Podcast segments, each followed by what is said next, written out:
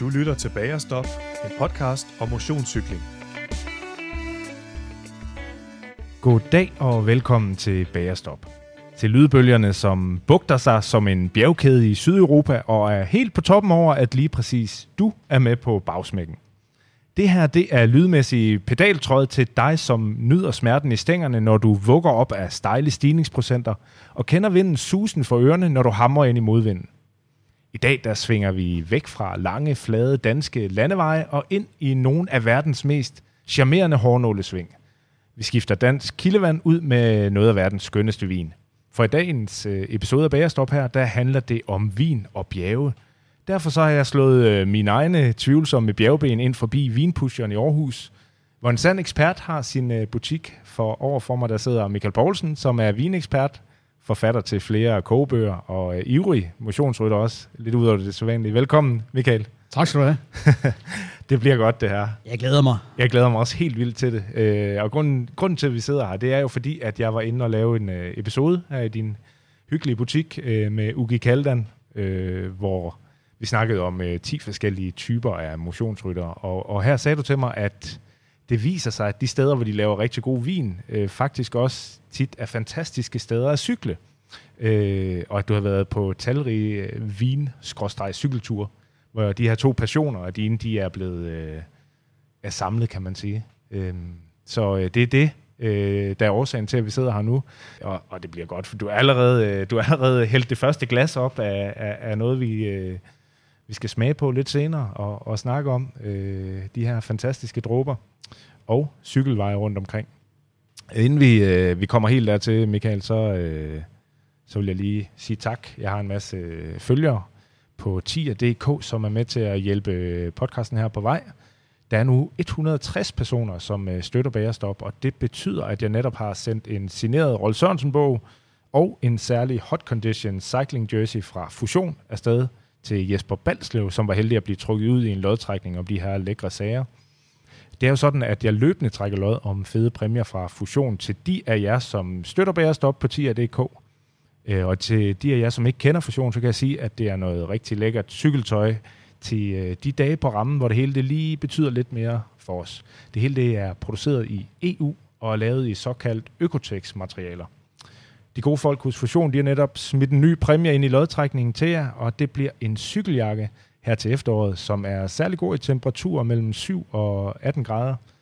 Den hedder C3 Light LS Jersey, og ja, den er virkelig fed.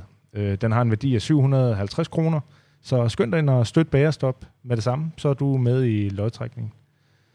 Øh, Michael, hvordan gør kage sig egentlig sammen med vin?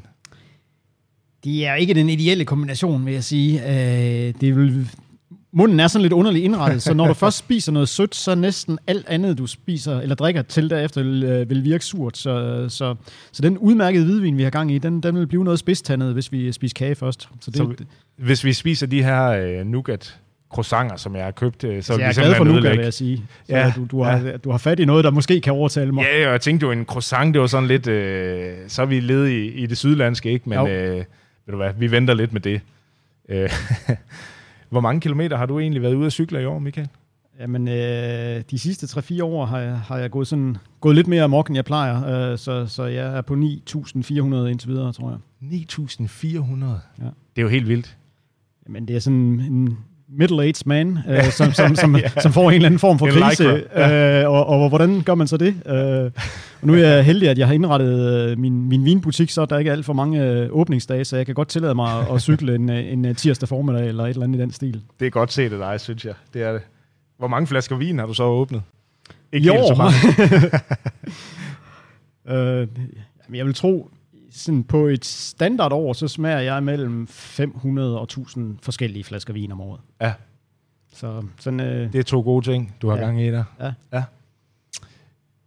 Kan man, hvor, altså, hvor meget vin kan man egentlig drikke, og så stadigvæk køre fornuftigt på cykel øh, dagen efter, øh, Michael? Fordi øh, det er jo noget af det, vi skal snakke om her. Det er det her med, at man skal nyde noget lækker mad, noget god vin øh, om aftenen, nogle forskellige steder i Europa, og så øh, tage ud og cykle på nogle bjerge bagefter.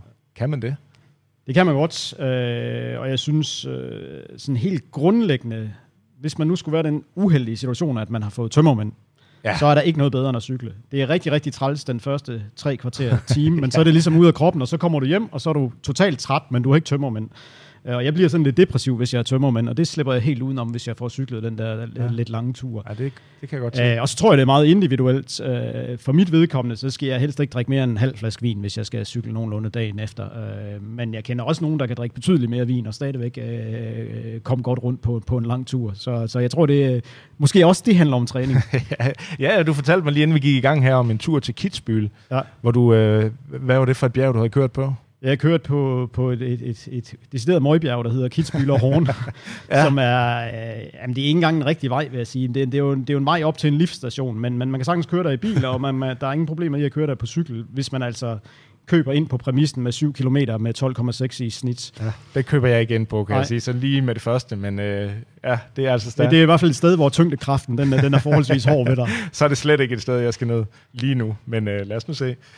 Øhm, du har jo arrangeret cykelture ned til de her steder, vi skal snakke om ja. I dag. Øh, er det sådan overordnet set let nok at gå til det her med at ja, smide cyklen på bilen, eller hvad man nu gør, og så, så tage afsted? Ja, det synes jeg, det er. Altså, øh, og jeg synes helt grundlæggende, at øh, de fleste, de steder, hvor man nu producerer vin, der er, er fokus på vin. Øh, det er jo relativt smukke landskaber, næsten alle stederne. Øh, og det er jo også steder, der ikke nødvendigvis er voldsomt trafikeret og gennemskåret af motorveje osv. Så, videre. så, så der er egentlig øh, langt, langt de fleste vinområder fine muligheder for at cykle. Og nogle af dem, vi skal snakke om, er så måske dem, jeg har haft de bedste erfaringer med. Men jeg synes, der er, er masser af vinområder, hvor du får den glæde af at cykle rundt i et smukt, vinøst landskab. Og der er næsten altid, vinmarker kan jo bedst lide at gro på skråninger, eller vinstokke kan bedst lide at gro på skråninger. Ja. Ja. Og, og det, det, det garanterer en, en vis mængde højdemeter. Ja, Øh, ja.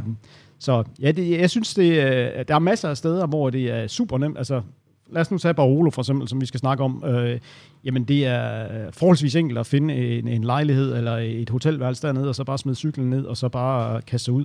Ja. Og hvis man, hvad enten man gør det via Strava eller et eller andet andet sted, søger på nogle ruter, så, så er det forholdsvis nemt at finde nogle ruter i de der områder også. Øh, Fedt.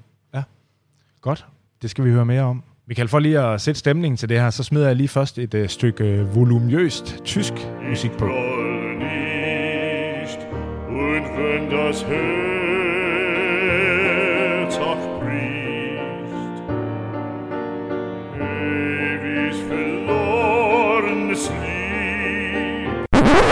Ja, okay. Det var, det var musikken. Lad os håbe, at vinen og, og landevejen er bedre end det, vi hørte her, Michael. Øh, det første område, vi skal snakke om, det er området Schwarzwald i, øh, i Tyskland. Nærmere bestemt øh, byerne Durchbach og Bad Peterstal. Det er et område, som ligger lidt sydvest for Stuttgart, tæt på den franske grænse. Umiddelbart, synes jeg, når man, er, når man nævner øh, Wien og Tyskland, øh, og for den sags skyld øh, cykling i samme sætning, så, øh, så er der måske nogen, som vil rynke lidt på næsen af det. Men det skal man lade være med, siger du, Michael, fordi... Øh, prøv lige at fortælle lidt om det her område. Jamen jeg vil sige, for det første, øh, jeg oplever tit både den, den fordom omkring tysk vin, men også det der med at rejse i Tyskland, at der, der er jo rigtig, rigtig mange mennesker, der pløjer ned af syverne, og så kører til Italien, eller Østrig, eller Frankrig, eller hvad fanden de nu gør, og så tænker, at Tyskland, det er bare, det er det, de forbinder med Nordtyskland og Hamburg og så videre. Men det sydlige Tyskland er jo et fantastisk sted at rejse i på alle måder.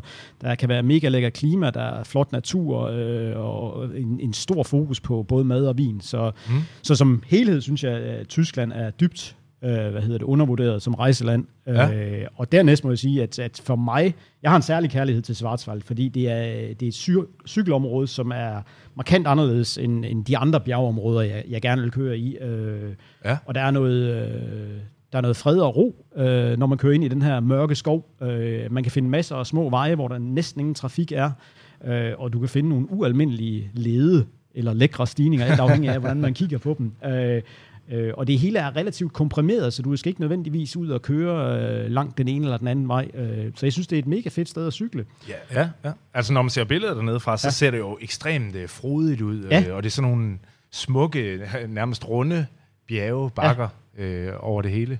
Er Ja. det rigtigt?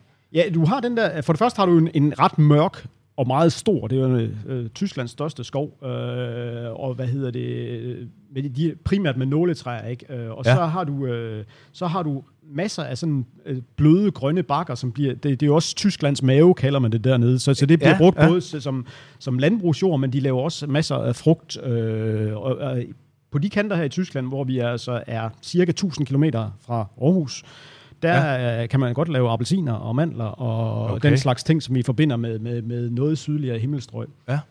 Øh, Så jeg synes, det, det, du har de der bløde bakker, øh, øh, grønne bakker, store landbrugsarealer, øh, øh, og, og, som giver sådan en frodighed, så det, det er jeg enig med dig i. Men så kan du også, lige så snart du kører fra, fra Alfa-vej og kører ind ad en af de der små veje, jamen, så er du inde på de her små stier, som bliver meget stejle, og hvor du er helt omringet af skoven. Ja. Og så kan du køre omringet af skoven i, hvad ved jeg, 2, 3, 4 kilometer, og så lige pludselig så åbner det sig, og så har du en eller anden fantastisk udsigt over skoven. Ikke? Ja.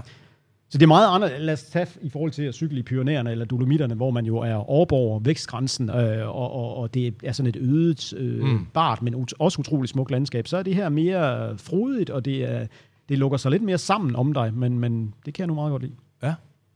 Noget, du også kan lide, det er jo vinen dernede. Ja. Øh, Du har åbnet en flaske til os, Ja. Michael. Hvad er det for noget? Det er, øh, så har vi lige hoppet en tur længere ned, det er nede i Dolomitterne.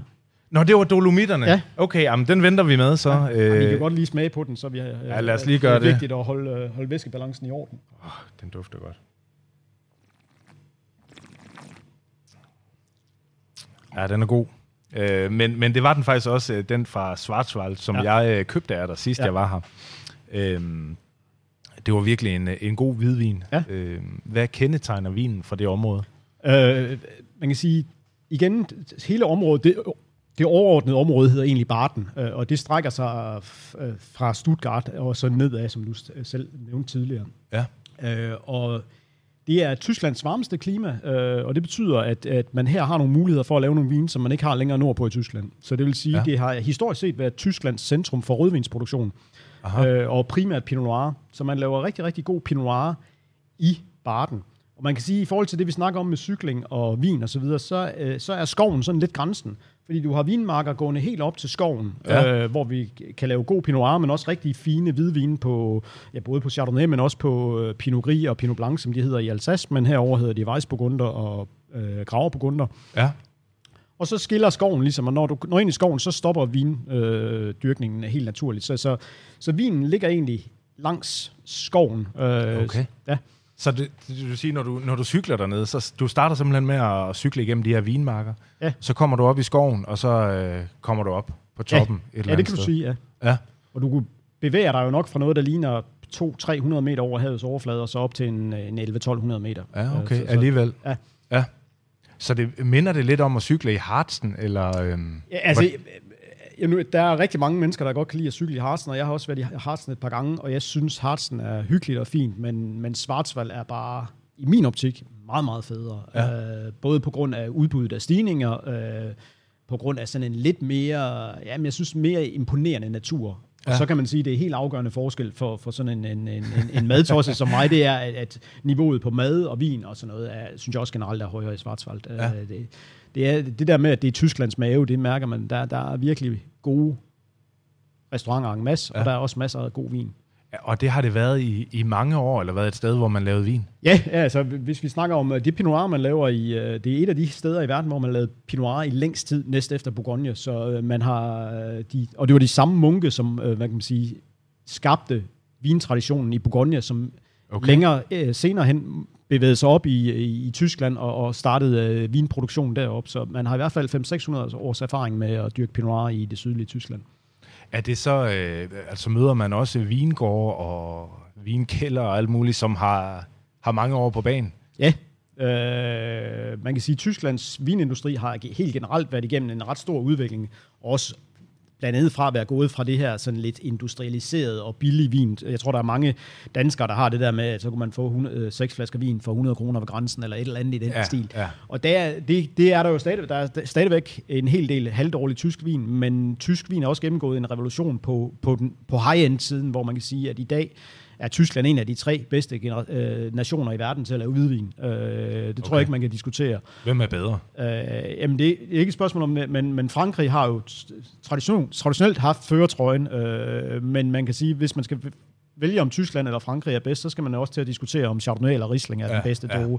Øh, men men det, det er i hvert fald de to, og så synes jeg, at Østrigerne og langt hen ad vejen også er, er, er i, i den liga. Øh, og så kan man sige, så bliver der lavet masser af god vin, hvidvin alle mulige andre steder, men både hvis man kigger sådan på det generelle niveau, og hvis man kigger på det absolute topniveau, så, så, så synes jeg, det er de tre nationer, der, Ja. er, der er bedst på den, den konto. Så der er virkelig, der er virkelig nogle lækre vine dernede. Ja, det synes jeg bestemt, der er. Kan du nævne nogle mærker? Altså, hvad, hvad er dine favoritter i det her område? Ja, men man kan sige, det i, i forhold til, lad os tage sådan noget som Italien eller Frankrig, hvor vi kender øh, de her store berømte producenter, der vil jeg umiddelbart tro, at, at de færreste kender de bedste producenter i Barden. Øh, ja. Men altså, det man kan sige, det, det er spæt burgunder, som er det samme som Pinot Noir, det er, det er hovednummeret på den, den røde.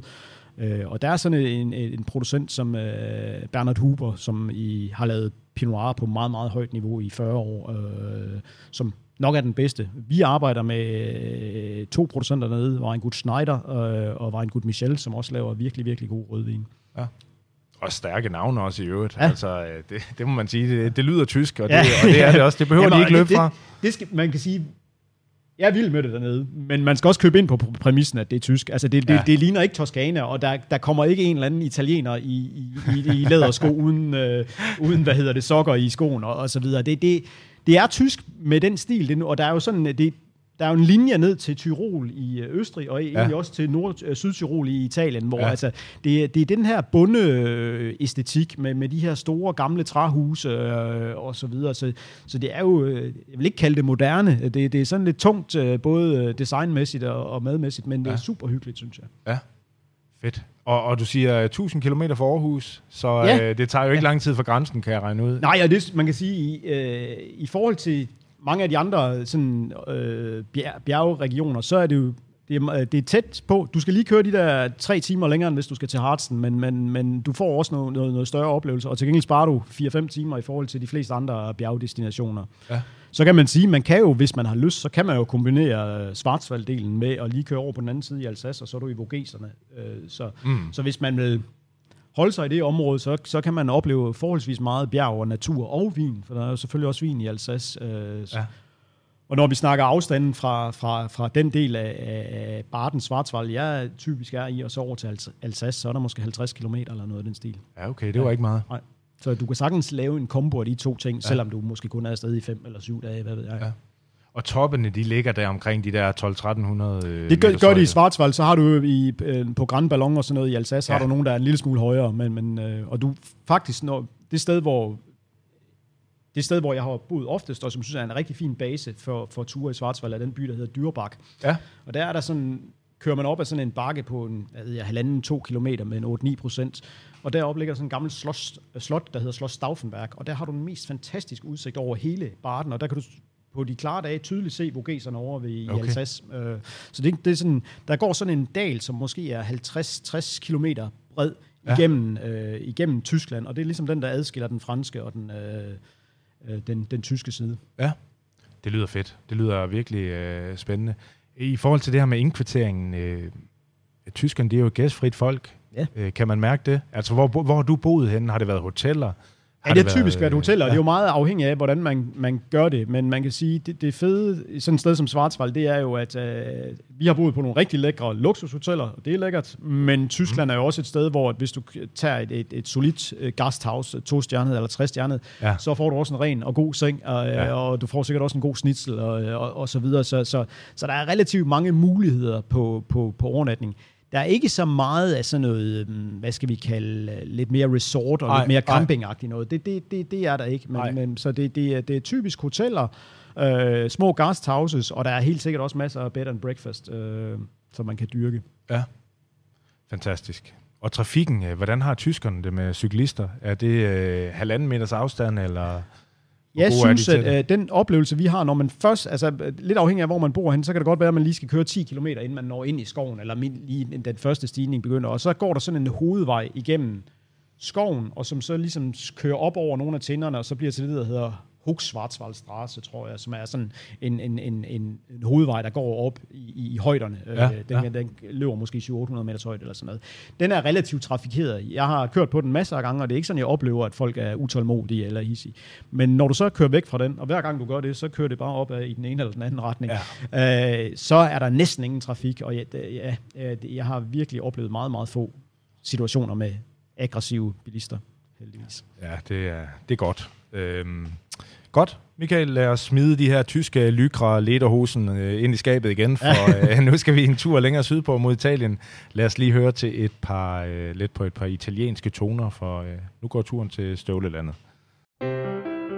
Non più tra i farfalloni amoroso, notte e giorno di torno girando, delle belle turbando al riposo, Narcisetto a dolcino d'amor. Yes, øh, igen må vi sige, at landskabet og vinen måske kommer til at være en klasse over det, vi hørte her. Øh, vi, skal, vi skal en tur til Dolomitterne nu, Michael. Vi skal, vi skal ned til den her bjergkæde, som ligger i de sydøstlige alber, kan man sige, og som mange nok især kender fra Giro d'Italia.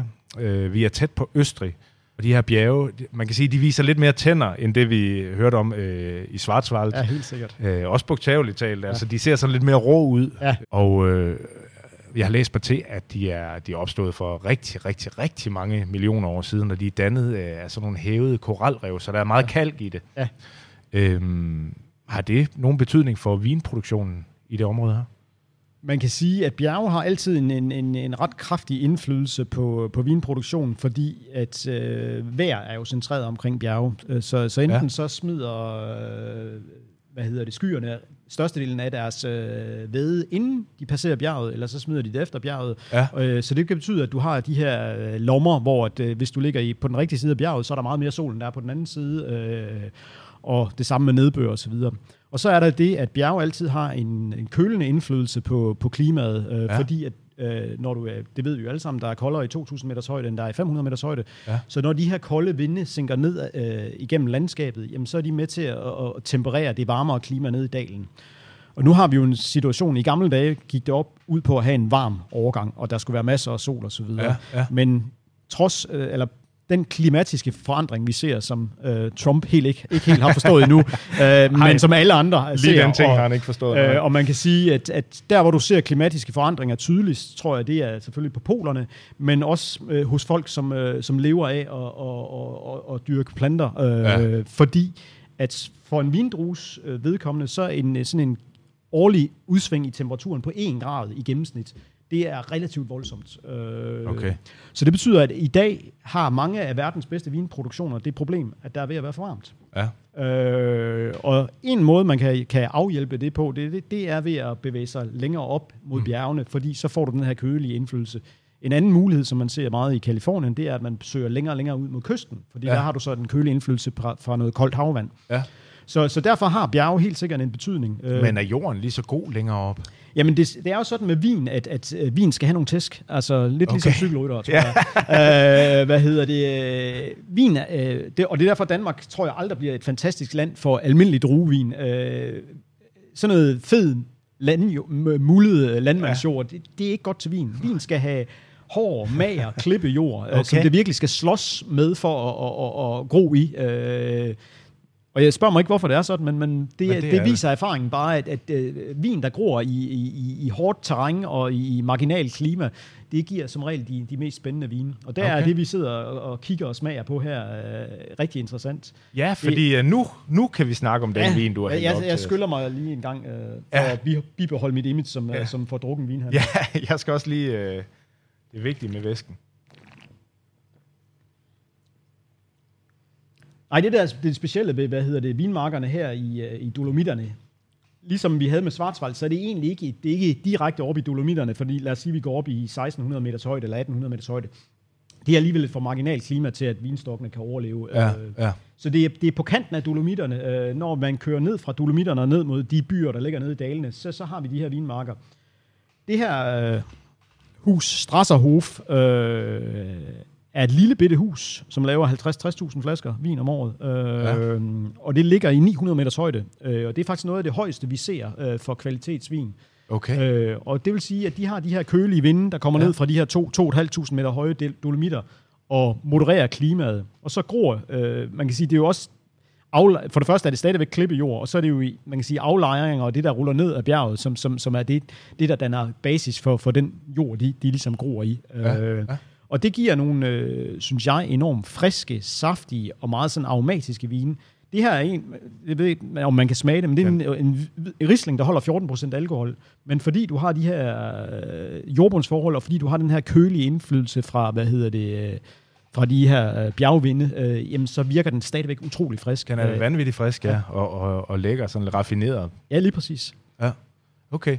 Øhm, hvad, altså, det er, jo, det er jo ingen hemmelighed, at du er meget begejstret for det her område. Ja, Øh, det kan man jo, det kan jeg tydeligt se og mærke. Ja. Øh, og det forstår jeg jo godt, når jeg ser billeder derfra. Ja. Det er jo sindssygt smukt. Altså, jeg, jeg, vi kan godt lide at rejse, øh, og jeg kan godt lide at cykle, og jeg synes, det er rigtig, rigtig fedt at, at, at, at cykle, når man rejser, fordi det giver sådan en helt anden forståelse for, hvordan, ja, hvordan landskabet vender, og, og, og hvad landskabet kan den ene og den anden vej. Øh, og jeg synes bare, at alle de steder, jeg har været, så rent bjergmæssigt, så er Dolomitterne nummer et. Altså, Ja. de, og du, du var lidt inde på det, de, øh, de er, det er rigtigt, de er, de er mange hundrede millioner år gamle, men det er faktisk en ung bjergkæde, og det er derfor, de ser så, Okay. så, så hvad hedder det, savtakket ud. Øh, fordi jo ældre en bjergkæde er, der, øh, jo mere bliver den slidt af vind. Så det Ja, er, øh, okay. i den forstand, øh, så, så er det en relativt ung bjergkæde, og derfor får den de her meget dramatiske. Øh, og så snakker du om det der med koraller, det gør jo også, at, øh, at sådan et bjerg, det skifter farve i løbet af dagen fra at være blågråt, og så lige pludselig kan det så få en rødt skær og så videre. Ja, Så- okay.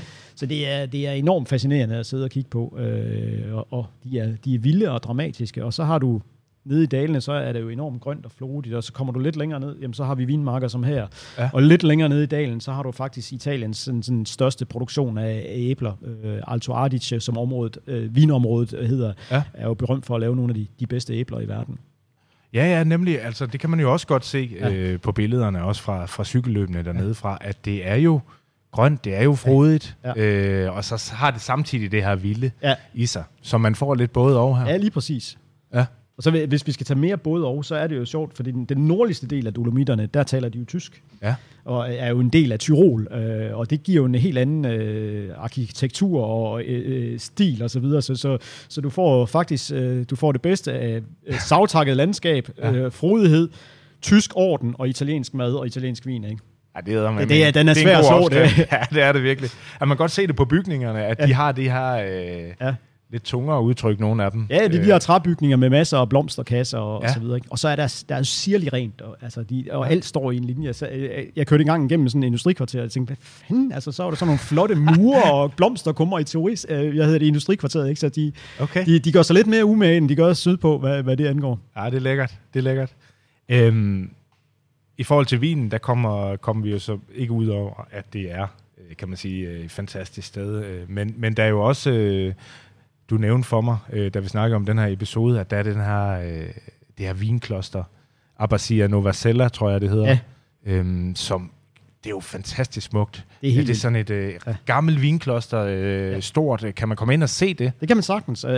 Jeg var der her for hvad, tre uger siden. Man kan sige, man kommer over fra Dolomitterne, og så vil man jo ofte køre ned øh, til den her by, som hedder Bressanone, øh, som er en, en mega hyggelig by med en lækker gågade og nogle rigtig gode restauranter. Ja. Og så ligger vinområderne faktisk lige der omkring. Øh, og bare tre kilometer uden for Bressanone, der ligger den her Novacella øh, by, øh, som er opkaldt efter det her kloster. Og, Ja. altså, nåede jeg ikke lige at se, om det var 800 eller 1200 år gammel, eller hvad. Det var i hvert fald rigtig Det gammelt. var gammelt. Øh, og de dyrker vin på, Ja. på ret højt niveau, øh, og har vinmarker lige uden foran klosteret, så du kan gå rundt inde på klosteret, du kan smage vin derinde til meget rimelige penge, du kan få en, en lille frokostsnack, øh, og så kan du gå ind og se nogle af de, altså en af de flotteste kirker, jeg har set. Øh, og så, ja, jeg, jeg, jeg tror også, jeg lavede nogle, nogle videoer dernede fra. Altså, der er simpelthen så ufatteligt smukt, man forstår det ikke. Ja. Ja, det er jo fantastisk at, at få det der. Altså, men så er det sjovt, så skal du også ud og du skal ud og svede også. Ja. Du skal også ud og have ondt i benene. Og, ja. Øhm, Det er jo sådan, altså hvis, hvis jeg må vende tilbage til den der midlife crisis, og, og, og manden, der skal have et eller andet at give sig til. Det er jo sådan en kontinuerlig øh, bølge af belønning og straf. Øh, og så kan man altid diskutere, hvad der har været, men, men hvis man skal have lov til at drikke noget ordentlig vin og spise en masse mad, så må man jo også cykle. Øh, og det smager bedre, hvis man har cyklet en ordentlig tur. Øh, ja, så man fortjent lidt mere af det ja, også. lige præcis. Ja. Så, ja. Hernede er det så, øh, altså nu er det den hvide, Ja. vi sidder og drikker her. Øhm, er det det, man skal gå efter? Det er det område, der er mest kendt for, øh, og jeg vil også sige, ungefær 80% af produktionen er hvid. Og, øh, og Okay. de, deres hvide, de kan virkelig noget specielt, fordi de har det her, den her indflydelse fra bjergene, den der kølige indflydelse. Men de laver også glimrende rødvin, og igen, lidt som i Schwarzwald, så, så er vi også på, øh, på Pinot Noir, som, som den røde, der måske er sjovest. Og så har de nogle lokale rødvinstruer, som vi nok ikke kender så meget i Danmark, blandt andet en, der hedder Lagrein. Ja. Øh, der kan også blive lavet lidt Cabernet Sauvignon og så videre, men, men jeg synes, at det, det, det, det er de hvide, de er rigtig, rigtig skarpe til, og så, så noget fornuftig Pinot Noir og, og lidt andet lokalt rødt. Hvad går den godt til sådan en her, udover bare at sidde og drikke sådan en uh, torsdag aften her? Jeg synes, det er, det er en, øh, en relativ alsidig madvin, fordi den har den der friskhed, men stadigvæk har noget intensitet. Og hvis vi tænker, at vi er i Danmark, så, så øh, altså, øh, rigtig god fladfisk, altså en rødtunge eller sådan noget, øh, jomfruhummer, øh, de der ting øh, fungerer ja. rigtig fint til. Og så sådan noget som Riesling, det fungerer rigtig, rigtig fint til svinekød også, øh, hvis man Ja. ja. nu ikke skulle øh, drikke rødvin dertil. Og, og den der friskhed, hvordan kan vi være sikre på, at... Øh, for det, det, det synes jeg jo er det lækre ved den her ja. Ja. vin. Hvordan ved vi, at øh, vi køber en vin ned fra Dolomitterne, der har den? Er det bare at prøve fra en ende af? Ja, men øh, øh, det er jo altid sådan, at, at, at, øh, at næsten alle steder i verden laver god vin og dårlig vin. Ja. Øh, og man er nødt til at, at enten researche rigtig meget selv, eller alliere sig med nogen, man stoler på. Øh, Eller ringe til vinpusher? Ja, ja, lige præcis. Det var, det var der, jeg ville hen, ikke? Og bestille 12 flasker, så skal det nok gå alt sammen. ja. Nej, hvad hedder det? Det, man skal lægge mærke til, øh, det her område, det hedder Alto Adige. Øh, Ja. Og øh, faktisk er det sådan i Alto, Alto Adige, at der bliver ikke lavet rigtig, ret meget dårlig vin. Så, så hvis man finder en Alto Adige hvidvin, så er der en rimelig chance for, at det er en frisk og sprød og lækker hvidvin. ja. Simpelthen Øh, fordi det klimatiske er i orden her. Ja, øh, og fordi der er en god tradition for at lave vin, ja, så ja. er det lidt... De laver også noget gewürztraminer, og gewürztraminer er som regel lidt søde og lidt mere parfumeret, så er det måske ikke lige den vej, man skal gå. Men hvis man går med de der 4-5 primære druer, som de laver hvidvin på dernede, så, så får du noget frisk og sprød hvidvin, som Ja. ja. er, og som er sådan en oplagt sommervin også, synes Ja, jeg. virkelig. Ja, det er rigtig lækkert. Øh, Dolomitterne, det forbinder ja. jeg jo også med, med noget andet. Jeg forbinder det med Stelvio-passet og, ja. Ja. og nogle af de andre her ekstremt høje pas, som ja. øh, vist nok er nogle af de højeste i Europa også. Ja. Men laver man også vin her på de, øh, på de kanter af, af Dolomitterne? Det ja. Ligger lidt længere mod øh, nordvest. Ja, altså når du er helt over i øh, hvad kan man sige, Stelvio Nationalparken, så, så, så er du bevæget dig uden for ter, øh, territoriet, hvor det, det, det giver mening at lave vin. Ikke at der Okay. ikke kan, kan ligge en enkelt skråning, hist og pist, der er blandet med nogle vinstokke. Øh, men der, hvor det begynder at stoppe, det er, når man bevæger sig ind i den dal, hvor Merano ligger. Øh, og så er du relativt tæt på Stelvio. Men, men, men når du bevæger dig over, meget over ja, de der 800-900 meter, som Strasserhof her ligger i, så, så, så begynder det at blive svært at dyrke vin. Og man kan sige, hovedbyen, i, når man skal køre på Stelvio, det er jo Bormio, og Bormio ligger i 1200 meters højde, så det, den, den er sådan per definition ved at være, være ja. udenfor, hvor det giver mening at lave vin. Ja. Øh, Simpelthen fordi det bliver for køligt så. ja, øh, der, er- der er sådan nogle, den, den, ja, og du risikerer også, at øh, vinstokke kan godt klare lidt sne, men de kan ikke klare at være begravet i sne i tre måneder Nej, eller fire måneder. Øh, så, så der er sådan nogle ting, som, som Ja. Det ved vi, det kan Ja. Stelvio jo godt finde på at være. Ja. Øh, ja. jeg vil sige, Øh, sidst jeg kørte på det, der var der stadigvæk to, to og en halv meter sne oppe på toppen. Hvad er det for en oplevelse? Jamen, jeg, jeg, jeg, for det første, jeg synes, det er et helt fantastisk bjerg. Altså, der, der, der er en, en negativ ting ved Stelvio, og det er alle de motorcykler, der synes, at det er lige så fedt som Okay. cyklister. Fordi det betyder, at det er, det er et relativt trafikeret Ja. ja. bjerg, ikke? Øh, Ja. ja. og, de, de, øh, og det forstår man jo godt, de giver også øh, noget gas både op og ned af, når de kører, op, øh, øh, øh, kører på Stelvio. Men jeg synes, det er det, et enestående fedt bjerg at køre på. Og du har tre sider at, at, at køre på med sådan lidt forskellig stejlighed øh, og meget forskellige landskabsudtryk øh, og så Mm. videre. Hvis så vi skal tilbage i det mere øh, vinoplagte, den mere Ja. vinoplagte del af, af Dolomitterne. Altså, vi kender jo byer som Cortina og Canacé og sådan nogle byer. Øh, Ja. Er det, øh, altså, hvilke bjerge er dine favoritbjerge hernede? Ja, det var et godt spørgsmål. Øh, Fordi du er jo bygget nærmest som Pantani, altså udover du har mere hår på hovedet. Altså, du, Ja, det er øh, glad for, Du du- ligner ja. virkelig en, Ja. øh, en bjergrytter, så... Ja. øh, øhm, det er jo fandme et godt spørgsmål. Jeg synes, Parsosella, øh, ud fra sådan et, et, et det er ikke det er langt fra det vanskeligste bjerg i Dolomitterne, og lidt afhængig af, hvilken side du kører det fra, er det heller ikke voldsomt langt. Nej. Men udsigten derovre fra er helt enestående. Og det, det er sådan, synes, det er også typisk, tror jeg, det et billede, man bruger, når man sådan skal fortælle, hvad Dolomitterne er. Det, det Ja. er, er Parsosella. Det, det, det, der er enestående flot deroppe. Okay. Øh, Paso Giao kan jeg også rigtig godt lide. Øh, og så er der Valparola, som også ligger omkring Paso Giao, og heller ikke ret langt fra Paso Sella. Der er også en fantastisk udsigt deroppe fra. Ja. Det er sådan nogle stigninger, der når op i sådan noget 2.200 meter.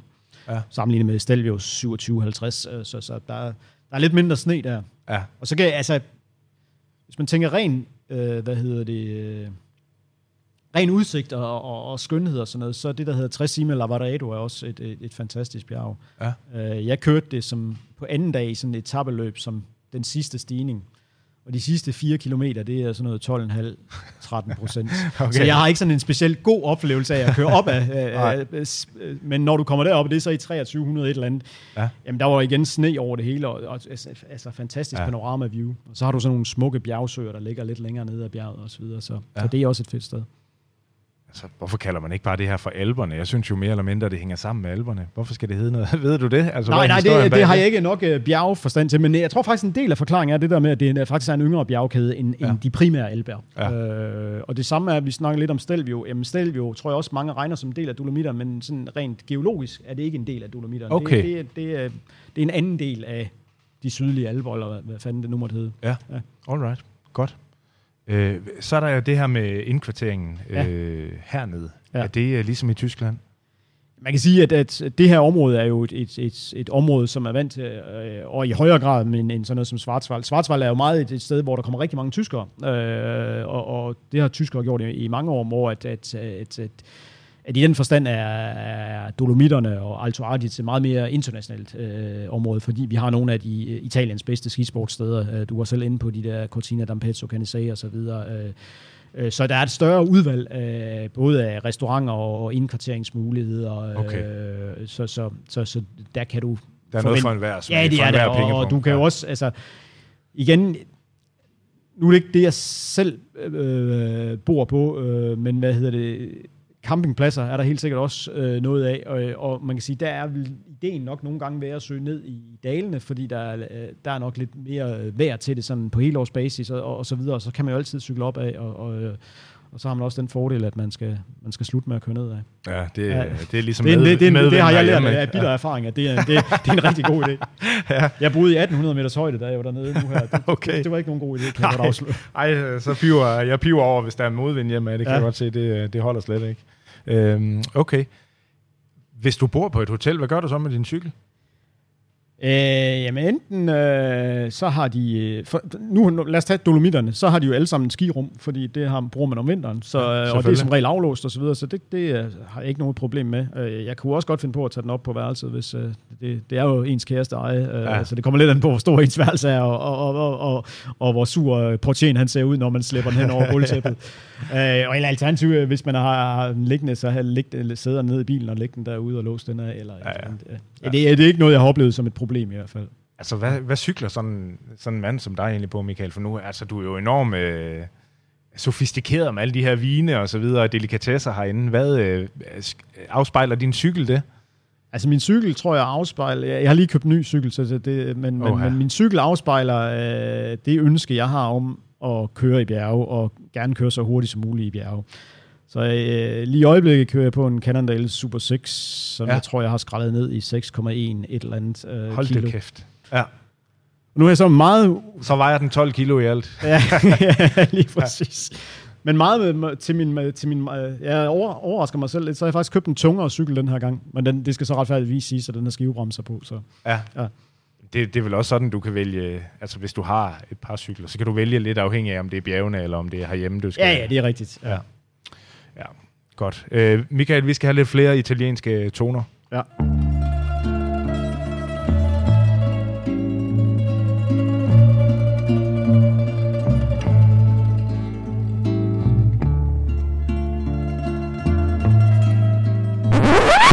Musikken her, øh, den lyttede vi til, fordi at, øh, ja, vi er faktisk ikke rykket ud af Italien. Vi er rykket til et andet område. Øh, vi skal til det nordvestlige Italien nu.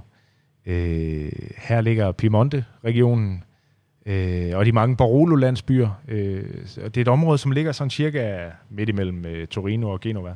Øh, og dermed relativt tæt på Middelhavet også. Ja, 80 km eller sådan noget den stil. Ja, ja, men det er som om alberne, de ligesom krænger sig rundt om, øh, så vi alligevel er et, et, et lille stykke fra alberne Ja. øh, i det her område. Er det rigtig øh, Ja. set? Jamen, du har jo sådan... Øh, vi skal lige tage det i nogle tempi, kan man sige, men, men Ja. ja. hvis, hvis vi lige bevæger os væk fra, fra selve Piemonte og Barolo-landsbyerne, så har du en lille bjerg... Du har de maritime alber, som ligger syd for Piemonte øh, og Barolo-landsbyerne, og så har du, man kan sige, de regulære al- alber, øh, og de maritime alber, jamen de ligger måske kun 30-40 km væk fra, fra den her del af Piemonte. Ja. Og, øh, og skal du ind og køre på sådan noget som Col d'Agnello og nogle af de der virkelig, virkelig store øh, stigninger, jamen så, så er der måske er der 100 km eller sådan noget, tror jeg. Okay. Øh, men du er jo også øh, i den forstand meget tæt på grænsen, så der er jo, Col d'Agnello er jo, er, er, deler jo øh, fra, øh, Frankrig og, hvad hedder det, Italien, og, og dem er der jo flere af, der er også Bonnet de Restefond og så videre i, i det område der. Så der er nogle, hvis man kører hvis man skal ud på en cykeludflugt øh, fra Piemonte, så ja, med, ved at køre 100 km, så får man mulighed for at køre op af, af, af noget af det, af det helt alvorlige. Men det behøver man jo ikke vel, fordi øh, det her område, det har jo også lidt, der, der synes jeg, at vi er lidt tilbage i uden sammenligning med en Schwarzwald, med de lidt rundere øh, Ja. og højdemeter. Altså vil sige, Schwarzwald, hvis vi snakker om det, så, så den store glæde, der er ved det, øh, det er det der lidt anderledes landskab, og det er det der med, at det er tæt på, og det er nemt at komme til. Øh, Ja. Og øh, man kan sige, nu skal vi til Schwarzwald om 14 dage, øh, og det har vi det relativt trygt med i, i corona-kontekst osv., men Ja. skal man nu til at sætte sig ind i en, en, en flyver og alt muligt andet, så, Ja. så, så er chancen for aflysning større, har vi lært, ikke? Jo. Øh, men når det så er sagt, så vil jeg sige, hvis man vil have den ultimative mad, vin og cykeloplevelse parret sammen i en Ja. dejlig cocktail, ja. så synes jeg, øh, at Piemonte er det fedeste sted. Okay. Øh, Men der vil du flyve ned, Michael. Altså, du, Nej, jeg, vil, for langt jeg, jeg, kan godt finde på at køre. Det kommer lidt an på, hvor lang tid skal man være der. Men, men, men Piemonte er et sted, som man fint kan have rigtig meget glæde af at besøge i 4-5 dage. Og så synes jeg, det er for langt at køre 1680 km øh, Ja. ja. frem og tilbage. Ja. Men hvis jeg skal derned i 14 dage, så kunne jeg sagtens finde på at tage bilen. Mm. Øh, men Piemonte er, og det, det er vigtigt at lave den skildring, som øh, du også var inde på til at starte med. Øh, Piemonte er en kæmpe region, og der er jo Piemonte oppe ved søerne, der er Piemonte ved Torino og, og så videre. Men det Piemonte, vi snakker om, det er det, der hedder Lange, og det er der, hvor alle de kendte vinområder ligger, Barolo og Barbaresco og så videre. Ja. Øh, og det er et meget komprimeret område, og øh, hvad hedder det, alle de her byer, hvor man laver Barolo på, de ligger på toppen af nogle små bakker, eller bjerge, hvis vi skal være, men, men det er bakker, som er mellem 350 og 500 meter over havets overflade. Okay.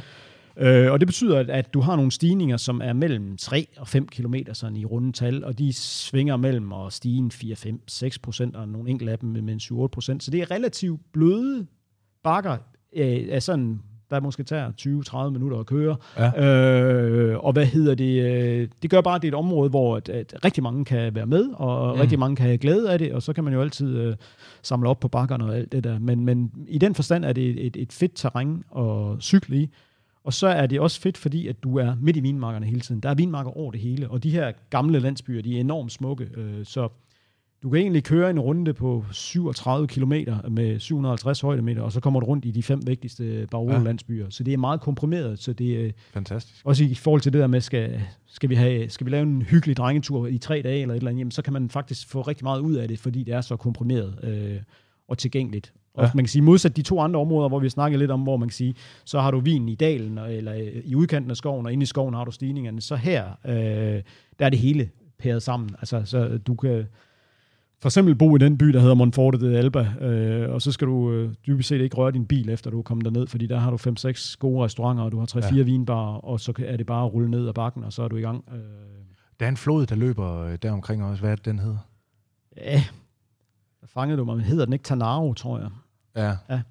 Øh, Har den nogen indflydelse på, på det, der foregår Ja, det har den historisk set øh, gjort, øh, og den deler lidt, øh, hvad kan man sige, området i, i nogle forskellige jordbundsforhold. Ja, Øh, okay. Så, så, så hvad kan man sige, der er, der er nogle stilistiske forskelle på de forskellige Barolo-landsbyer, som blandt andet er, er skabt af, af, af erosion for mange år siden. Men, men er det ikke varmere her, Michael? Øh, vi er jo langt nede nu. Nå jo, det, altså, man kan sige, Piemonte er... Jeg har været rigtig meget i Piemonte om sommeren, fordi at, øh, at jeg en enkelt gang kom til at tage min datter med derhen, øh, og jeg troede ikke, hun gad at være der, men Nej. Hun elsker det overalt på jorden, øh, og vi kan også rigtig godt lide det. Ja. Øh, så vi har været der meget i sådan noget øh, industriferie, øh, og det ved jeg egentlig ikke, om jeg vil anbefale, fordi der kan, der kan godt være 35-37 grader. Okay. Og så er det meget varmt, øh, fordi Så- det er inde i landet, og luften står relativt stille. Øh, Det er varmt og- at cykle også. Ja, det er også. det. Så skal du i hvert fald ud og cykle fra klokken 7-8 stykker, og, og når klokken er 10-11, så, så er det med at komme ind i skyggen. Ja. Altså, øh, så, men Piemonte er enormt fedt i maj, i juni, øh, september og, og så videre. Så, så, så jeg vil egentlig anbefale, at man, man, man tager det lidt uden for, for, for i hvert fald øh, den, den traditionelle sommerferie. Ja. Og det, det er jo også det, uh, World Touren gør, kan man sige, når Ja. ja. de kører de her italienske ja. Ja, efterårsklassikere. ja, lige præcis. Øh, der var jo det her World Tour, World Tour løb, øh, Grand Piemonte, som Ja. ja. øh, det er ikke så længe siden, det blev kørt. Øh, en bjergrytter vandt, George Ja. ja. Bennett. Og det siger jo også noget om, at det er et hårdt landskab at Ja. cykle i.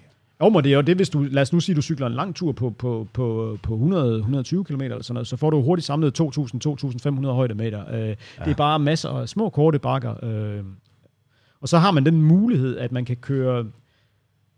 Vi har lange, og så har man ovenover lange. Der er det, der hedder alta lange, som egentlig betyder det høje lange. Ja. Øh, og der går man fra 500 meter og så helt op mod 800-850 meters højde.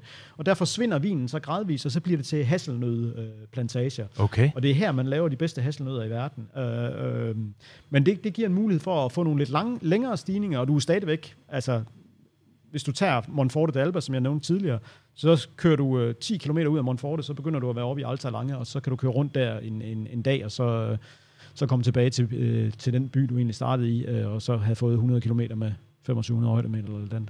Ja, hvis man så tager en passer og stikker, stikker ned i, øh, i området her, Ja. og så kører rundt, så, som du siger, øh, så man kan jo komme langt omkring, Ja. øh, uden at køre ret mange kilometer, ja. så at sige. Altså, Ja.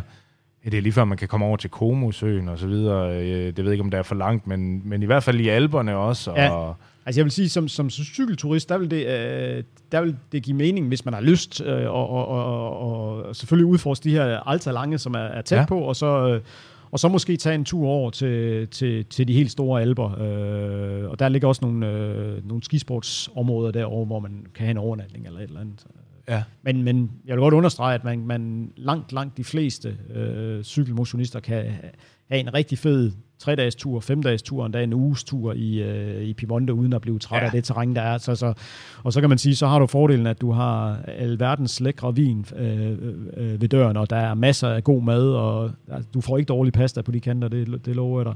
Nej, øh, fordi ja, netop øh, pastaen, det er rigtig godt, men vinen, den, den skal vi altså lige øh, rundt om også, fordi øh, Barolo, det kender vi jo alle sammen, øh, i hvert fald navnet på. Hvad, Ja. ja. øh, hvad er det for en vin? Hvad kendetegner den? Øh, Jamen, øh, man kan sige, der er jo... dem? Ja, øh, der er jo en stribe sådan topvine i verden, og, og der må, må man bare sige, at Barolo befinder sig i, i blandt, og Barolo er et område, som har oplevet en, en, synes en stor renaissance gennem de sidste, i rigtig høj grad gennem de sidste 20 år, men, men egentlig igennem en, en, en 40-50-årig periode. Så, så det, i dag står det vel som Italiens mest karakterfulde, og vel nok også mest eftertragtede vin. De Det er en slås alt, vin, ikke også? jo, de slås altid lidt med Brunello om, om hvem, hvem der nu er, er vigtigst, men man kan sige, at Brunello har en noget kortere historie, øh, end, end, ja. Ja. end Barolo har. Øh, Barolo er, er, som du siger, en kraftig vin, og det er det først og fremmest i kraft af sin struktur, øh, og det kan lyde sådan lidt nørdet, men vi kender alle sammen begrebet garvesyre, øh, ja. Og den her lidt udtørrende fornemmelse, man får i munden, når man får en vin med meget garvesyre.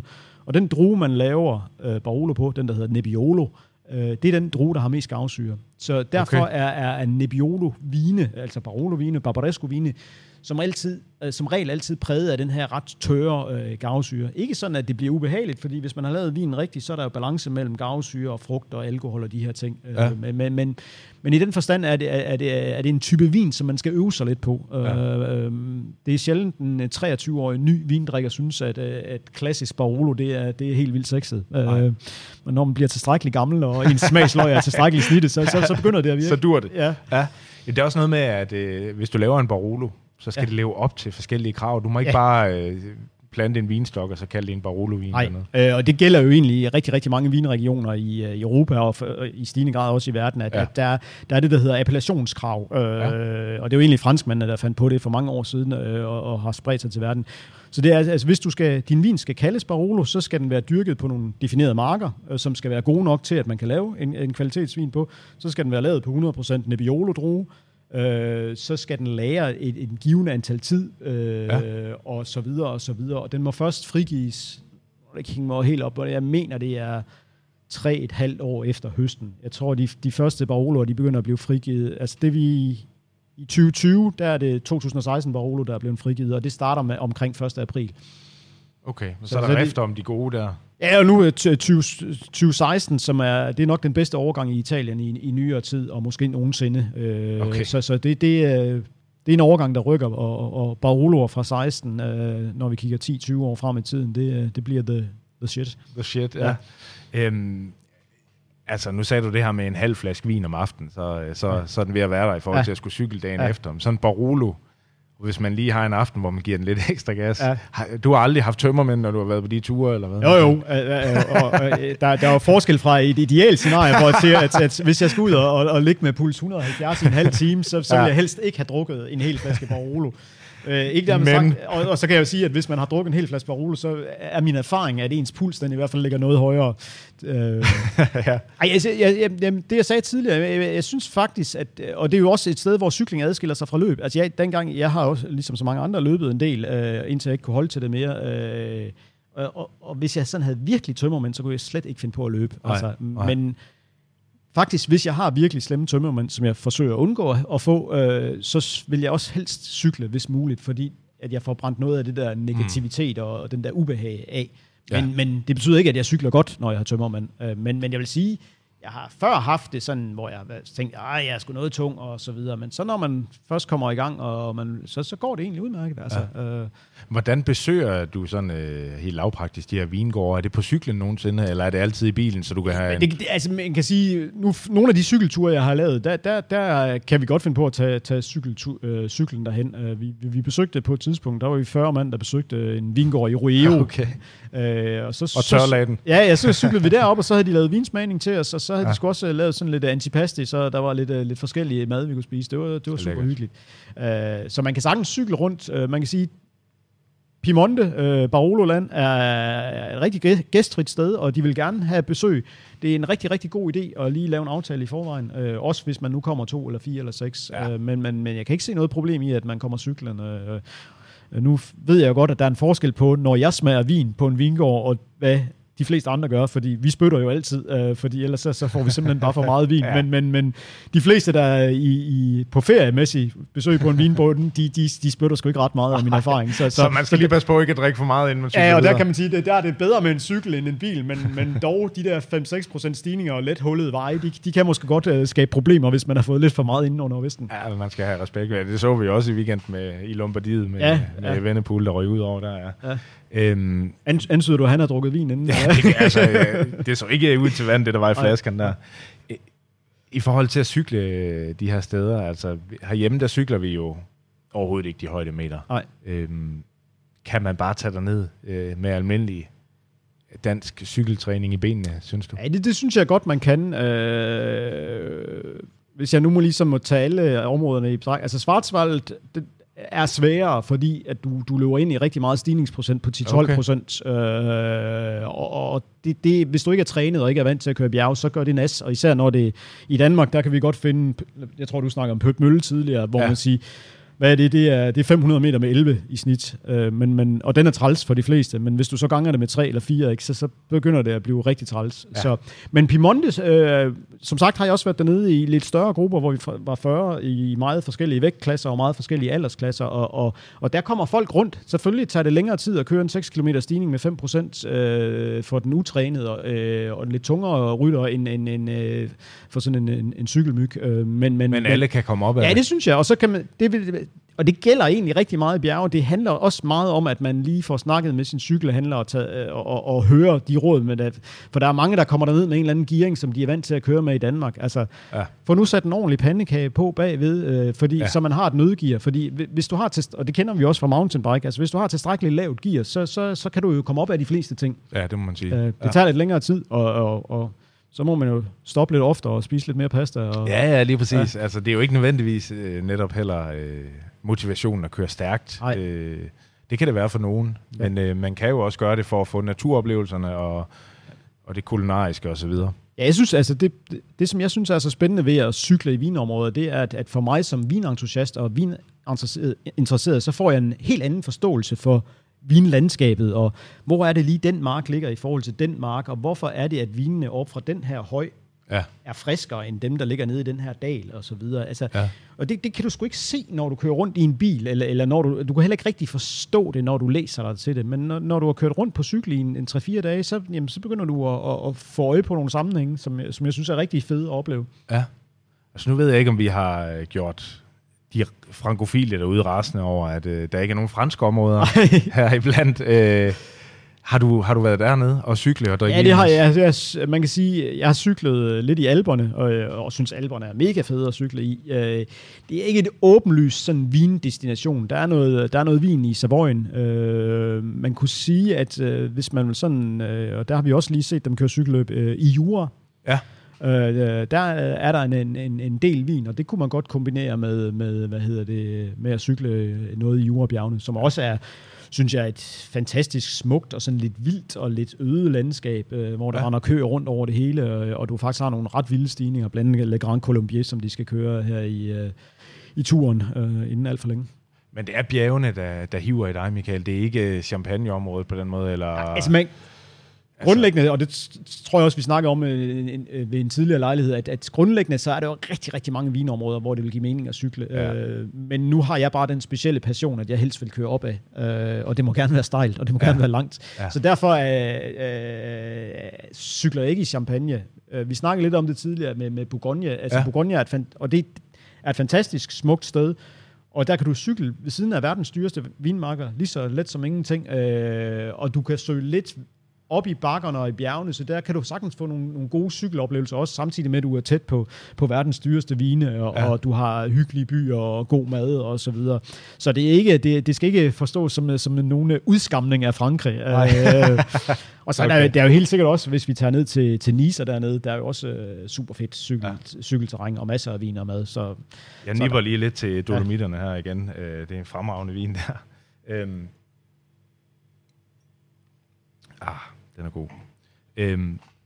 Hvad så med, øh, skal man sige, så er det det spanske område. Øh, der er jo egentlig, man laver jo vin overalt. Det er det Øh, fede. ja. Altså, øh, i, man kan sige, de, de klimatiske zoner i den sydligste halvdel af Europa, kan vi sige, altså hvor Schwarzwald er noget, noget af det lidt nordligere, jamen der er der jo øh, nogle klimatiske forudsætninger, øh, der gør, at, at, at man kan lave vin de fleste steder, og det gør jo så også, at, at øh, i mange af de her regioner, hvor der også er nogle bakker og nogle bjerge, der laver de vin. Altså, jeg Ja. har kørt øh, meget i... Øh, i omkring Kalpe, øh, og det er ikke, fordi der er sindssygt meget vin, men der er vin, og der er også god vin, øh, og vi har lige øh, entreret med, noget, øh, med to meget, meget spændende vinhus i det, der hedder Sierra Okay. Gredos, som. Ja. er sådan en uh, naturpark, øh, der ligger godt en times kørsel fra Madrid, men det er også sådan et, et bjergrigt område, så, så der kan jeg garantere dig, der skal jeg ned inden alt for længe, og, og der er jeg simpelthen nødt til at tage cyklen med, fordi ellers så finder jeg ikke ud af, hvordan de der vinmarker, de hænger sammen. Nej, lige præcis. Men det er lidt mere goldt dernede måske. Altså, ja, det, det er et ret vildt landskab også, øh, fordi det, det er jo den her stegepande, der er i Madrid, ikke? Ja. Ja. Så, så, så det, er, det, er, det, er, en- det er sådan en halvørken, øh, men med noget,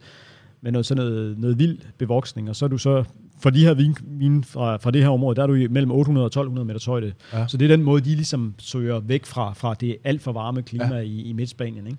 Kunne du finde på at smide cyklen ind i en flyvemaskine, når nu vi er forbi alt det her corona, og så øh, tage til Australien, øh, Sydafrika, Chile eller øh, USA, og. Ja. og kombinere de her ting? Altså min, min personlige ambition er, at, at, at når jeg engang ikke skal være vinpusher længere, så skal Ja. jeg i hvert fald have et halvt år, hvor jeg kører rundt i, på alle stigningerne i Europa. Men når det er sagt, så, så, er, der, så er der rigtig, rigtig mange steder, jeg gerne vil, øh, vil køre. Øh, og igen lidt defineret af det der. Jeg har kørt øh, faktisk, jeg har kørt i, øh, i Wyoming i, øh, ved Jackson Hole Ja. øh, i USA. Øh, synes jeg var, var, var ret fint. Øh, USA er, i hvert fald de steder, jeg har været i USA, er knap så gearet til, til den form for, for cykling, som, som vi er. Øh, Det er meget brede veje, lange... Ja, og, og, ja, lige præcis. afstande. Øh, og, og sådan ikke, det der med en cykelsti, det er ikke sådan, det, det er et helt ind, inkorporeret koncept. Øh, og så vil jeg, jeg vil mega gerne cykle i Australien, det synes jeg kunne være super fedt, og New Zealand for den sags skyld. Altså, Ja, der, der, ja. det, det, begge de steder er nogle fede lande at rejse i, og, og det, det, jeg kan ikke se, der, der er også en god cykelinteresse i Australien, ikke? Så, Ja, det er der nemlig. Ja. ja. Super godt. Øhm, hvis nu man sidder derhjemme og får smag på det her, Ja. øh, hvad skal man starte med af de ting, vi har været igennem i dag? Man starter med vinen. tage et glas vin herhjemme, og så øh, planlægge det over den. Ja, det, det er jo i hvert fald, man kan sige, hvis, hvis man har et, et vinområde, man godt, eller en vintype, man godt kan lide, så kan man jo begynde at researche lidt. For det. Altså, jeg synes, jeg tror, der er mange, og det er måske også mere på mountainbike end, end på landevej, men der er nok mange danskere, der, der må noget af det første, de stifter bekendtskab med, det er Hartsen. Øh, ja. Fordi det, det er overkommelig afstand. Og, og taget det i betragtning, så synes jeg, at Svartsvald er et rigtig, rigtig godt alternativ. Også fordi, at, at, at der kommer du, øh, der er flere stigninger, de er lidt vildere, og, og, og så har du en, en, noget, noget mad og vin, som, som du kan kombinere det med.